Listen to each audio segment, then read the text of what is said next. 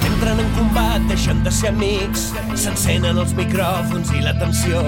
Es transformen tots dos en superguerrers, lluitant sense perdó.